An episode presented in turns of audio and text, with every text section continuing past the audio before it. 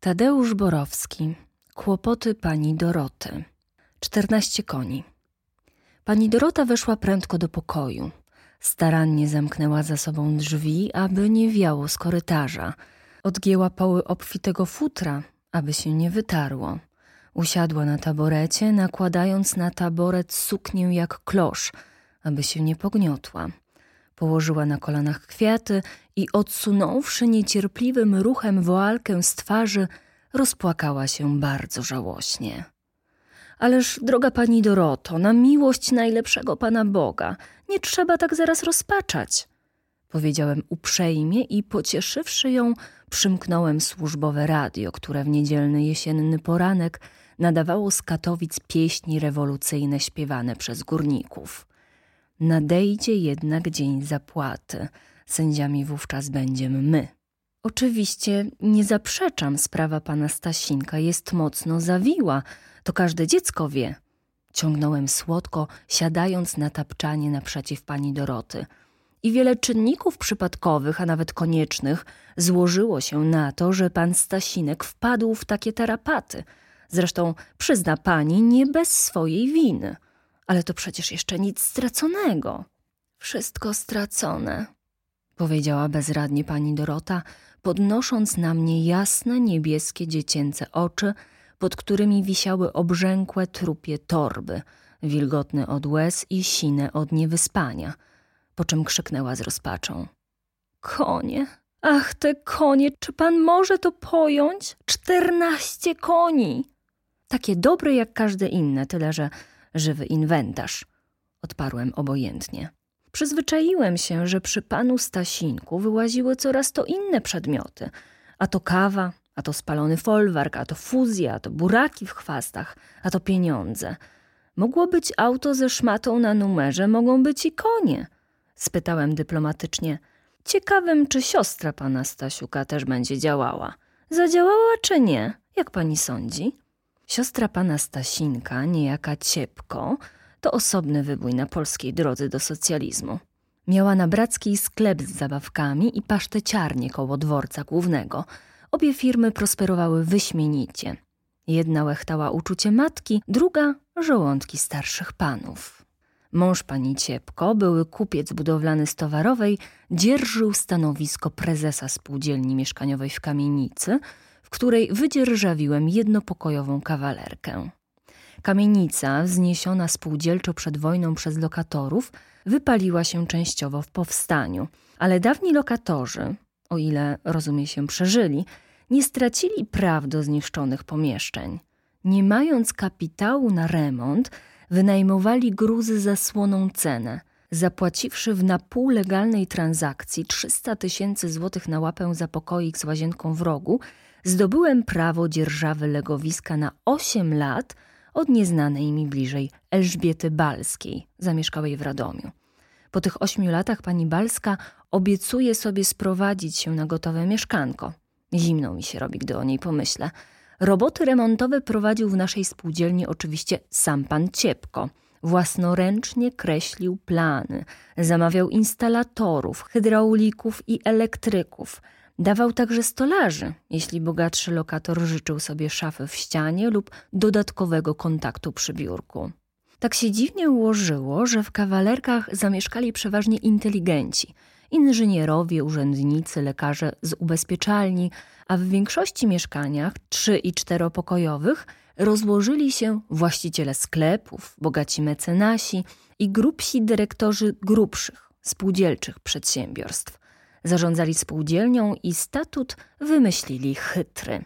Płać od łebka, a nie od pokojów. Wszystko jedno, czy zajmujesz izbę, czy rozpierasz się w salonach. Więc podnajemcy podnieśli gwałt. Krzyczałem najgłośniej, uważając, że 300 tysięcy wystarczy. Zapożyczyłem się na mieszkanie w wydawnictwach i w Zaiksie i nie miałem ochoty dożynać się do reszty. Po zebraniu podeszła do mnie pani Ciepko, która dowiedziawszy się, że jestem dziennikarzem, a nawet, że piszę książki, postanowiła mi wytłumaczyć tajniki administracji. Od niej też dowiedziałem się o panu Stasinku. Może by pan pomógł interweniować w takiej a takiej sprawie? W jaki sposób, szanowna pani? Na pewno zna pan naczelnego prokuratora. Nie, niestety nie znam. Pisze pan i pan nie zna? To co pan pisze? Takie prawdziwe historie. To może pan tę historię opisze. Dorotka panu wszystko powie. Jak się ludzie dowiedzą, na pewno pomogą. To przecież taki porządny człowiek. Opisze pan? Dobrze opiszę, odpowiedziałem i oto spełniam obietnicę. Więc jakże z tą ciepko? Zadziała? Pani ciepko obiecała, że wynajmie najlepszego adwokata, powiedziała pani Dorota. Będziemy obie na rozprawie w B. Byłem tam parę razy tego lata. Za parę dni znów się tam wybiorę, powiedziałem. Interesują mnie państwowe nieruchomości ziemskie, zagadnienie sabotażu. Powłóczę się trochę po okolicy, pogadam z ludźmi. Taki mały urlopik. Tak, tak. Dziwny jest ten świat. Westchnęła ciężko pani Dorota. Jednemu urlop, a drugiemu. Wstąpi pan do nas? Będziemy w hotelu, mieszkanie opieczętowano. Naturalnie, że wstąpię, postaram się wszystko zobaczyć. Niechże się pan rozejrzy, na pewno zna pan prokuratora Zabiegę. Robiło się kiedyś reportaż z fabryki włókienniczej w B i trochę znam miasto, odparłem wymijająco. A natknął się pan na niejaką Józefkową z Komitetu Wojewódzkiego PPR? To żmija. To ona z tymi pokrzywkami. Byłem z nią raz na folwarku pokrzywki jeszcze na wiosnę. Straszne rzeczy tam się działy. Maszyny na deszczu, pola niezorane, a mieszkania ludzi? Ech, pani Doroto, trzeba tam samemu pomieszkać. Ale po co oni mówią, że to wina pana Stasinka? Wszystko Stasinek i Stasinek. Ale koniec pokrzywek sprzedał, prawda? Pani Dorota milczała, z lekka urażona. Pomilczawszy chwilę, rozwinęła z papieru białe goździki i wetknęła je we flakon na półce z książkami. Tu im będzie lepiej niż w kwiaciarni. Zapomniałam panu powinszować, a przecież wczoraj były pana imieniny. Właściwie po to przyszłam, a zanudzam pana swoimi sprawami. Ale nie wie pan, jak to człowiek w zmartwieniu. Uśmiechnęła się filuternie. No tak, pani Doroto, powiedziałem, przerywając krótkie milczenie, które zapadło znowu po podziękowaniach. Ale jak pani myśli, co będzie z tymi końmi? Co właściwie pozostanie panu Stasinkowi? Śmierć, odpowiedziała pani Dorota i znów zapłakała bardzo żałośnie. Biedna pani Dorota. Biedna pani Dorota. Świat zwalił się na nią z hukiem jak wodospad. Nastała martwa ciemność jak w zasypanym schronie.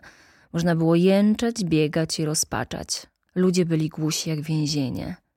Zanim się wydarzyło to nieszczęście z panem Stasinkiem, pani Dorota żyła w spokoju i zapomnieniu od ludzi. Czasu wojny pan Stasinek, naówczas skromny urzędniczek warszawski dorabiający handelkiem, daleki jej kuzyn zresztą, którego przed wojną omijała z daleka, uratował jej życie, wyciągnąwszy ją przez wiadome stosuneczki z warszawskiego pawiaka, gdzie usiadła z łapanki ulicznej.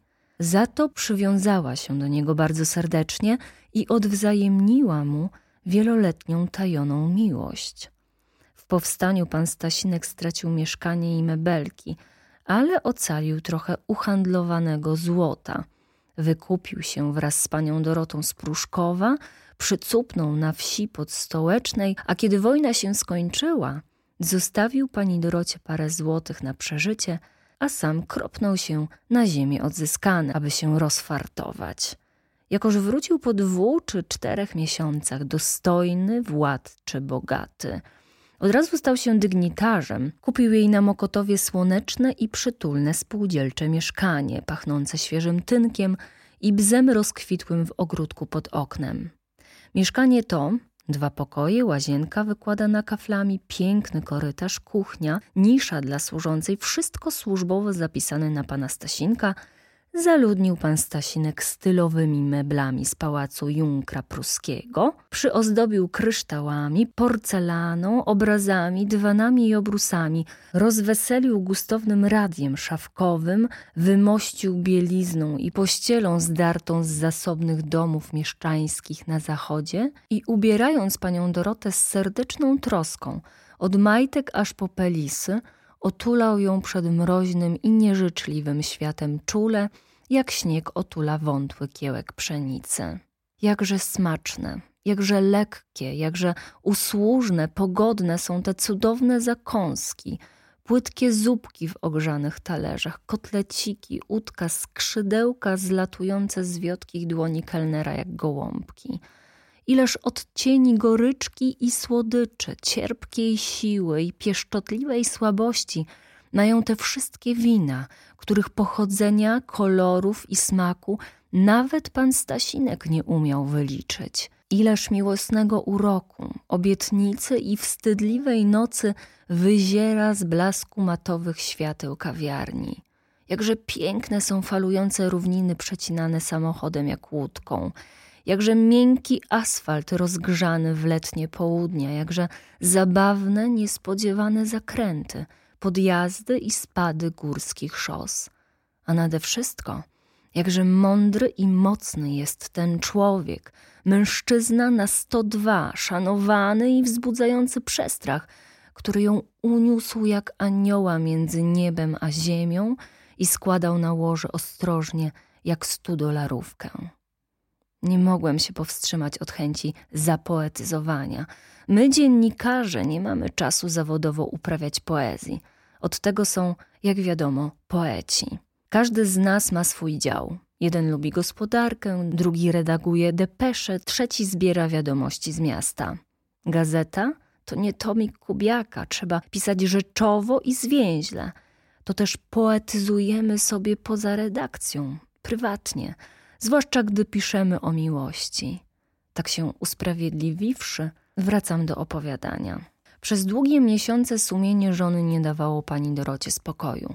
Mąż pani Doroty, znany przed wojną adwokat, radca prawny wielkiego kartelu zagranicznego, zakochany w niej do szaleństwa, ale traktujący ją jak kokotę, uciekł we wrześniu z Polski, zabierając papiery firmy i zostawiając żonę, która nie zdążyła na czas z letniska. Przez Rumunię zwykłym szlakiem przedostał się na Szwajcarię, gdzie miał znaczny kapitał w banku. Powiększył majątek na mniej i bardziej legalnych dostawach, wojennych spekulacjach i machinacjach z agentami firm niemieckich, korzystając z kontaktów osobistych i powiązań politycznych. Z Genewy paczkami, pieniędzmi i dobrymi radami pomagał żonie spokojnie przesiedzieć okupację i mieć oko na jego podwarszawskie posiadłości – jakieś rozległe parcele i place, na których niegdyś miano stawiać fabrykę samochodów, doprowadzić do niej bocznicę kolejową i zbudować szosę.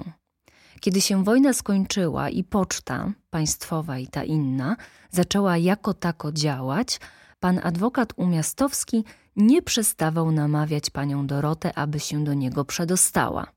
Wskazywał jej pewnych ludzi i bezpieczne szlaki. Zrezygnował z parceli i placów. Przyjaciele szwajcarscy uświadomili go, że rewolucji nikt nie zdławi zbrojnie. Co najwyżej można spróbować sabotażykiem i dywersyjką. Otrzymawszy pouczenia męża, pani Dorota wahała się, kręcąc w palcach świstek papieru.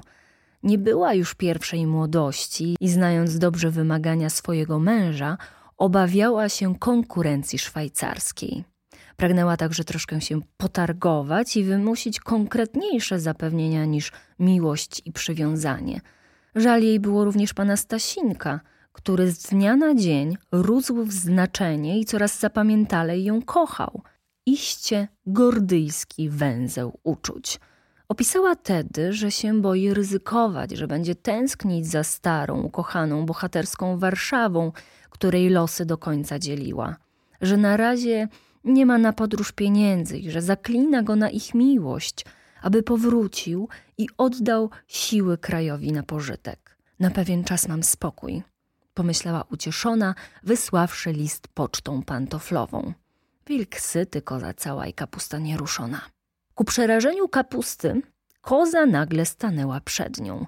Pan adwokat poradził się swoich przyjaciół i otrzymawszy pouczenia, przeszmuglował do kraju trochę obcej waluty, dolarów, funtów i franków na założenie przyzwoitego, solidnego gabinetu adwokackiego.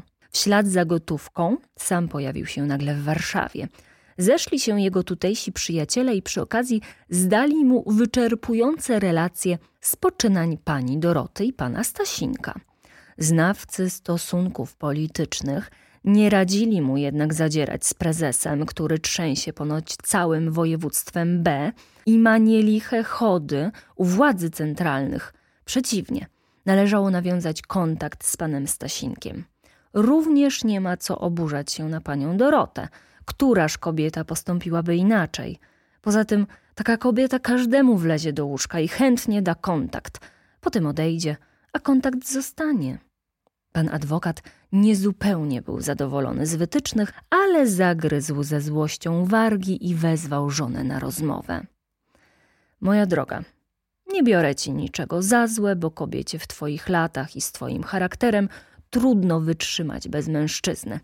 Zresztą ja także na emigracji nie tylko myślałem o ojczyźnie, powiedział jej prosto z mostu pan adwokat, zaprosiwszy panią Dorotę do wyremontowanego czteropokojowego mieszkania na Mokotowie. Zajmował cały parter willi. Okna kazał okratować, drzwi obić od wewnątrz żelazną blachą. Nie zamierzam ciebie prosić, abyś tu zachodziła pomieszkać na godzinkę. Zbyt szanuję twoje nowe uczucia. Sam żywię dla ciebie pewien sentyment. Mój Boże, tyle lat człowiek żył razem i na starość musi się rozłączyć. Wiesz, że mi też nie lekko, szepnęła pani Dorota.